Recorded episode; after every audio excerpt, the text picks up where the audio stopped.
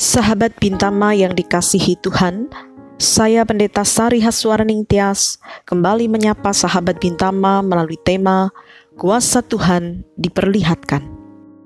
Firman Tuhan dari Daniel 3 ayat 25 berkata, Tetapi ada empat orang kulihat berjalan-jalan dengan bebas di tengah-tengah api itu.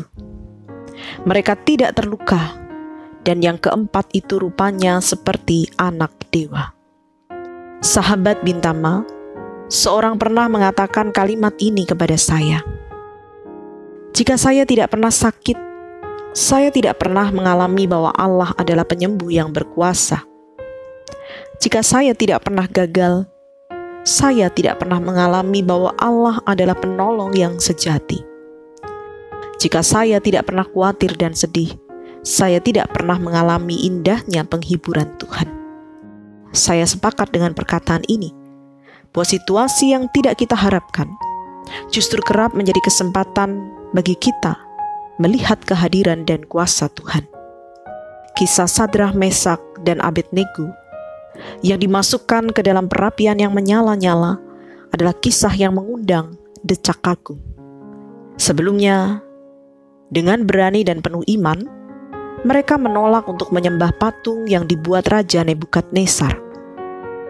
Penolakan itu menimbulkan kemarahan raja yang membuat mereka dimasukkan ke dalam perapian yang panasnya lebih dari biasanya. Sampai-sampai orang yang memasukkan Sadrak, Mesak, dan Abednego justru terbakar. Namun ajaib, Sadrak, Mesak, dan Abednego selamat. Yang menarik adalah apa yang dilihat oleh Nebukadnezar. Ia melihat empat orang di dalam perapian itu yang dilihatnya seperti anak dewa. Hal ini kemudian menyadarkan Nebukadnezar mengatakan, Terpujilah Allah Sadrak, Mesak dan Abednego yang dia lihat sebagai Allah yang sangat berkuasa. Artinya, perapian yang mengerikan itu telah menjadi kesempatan diperlihatkannya kehadiran dan kuasa Tuhan. Sahabat Bintama, tidak pernah ada orang yang mengharapkan hidupnya berada dalam kengerian, seperti Sadrah, Mesak, dan Abednego yang harus ada di dalam perapian yang menyala-nyala. Tetapi perapian yang mengerikan itu justru menjadi tempat kuasa Tuhan diperlihatkan. Tidak hanya kepada mereka, tapi juga kepada Nebukadnezar, raja adik kuasa yang tidak mengenal Allah.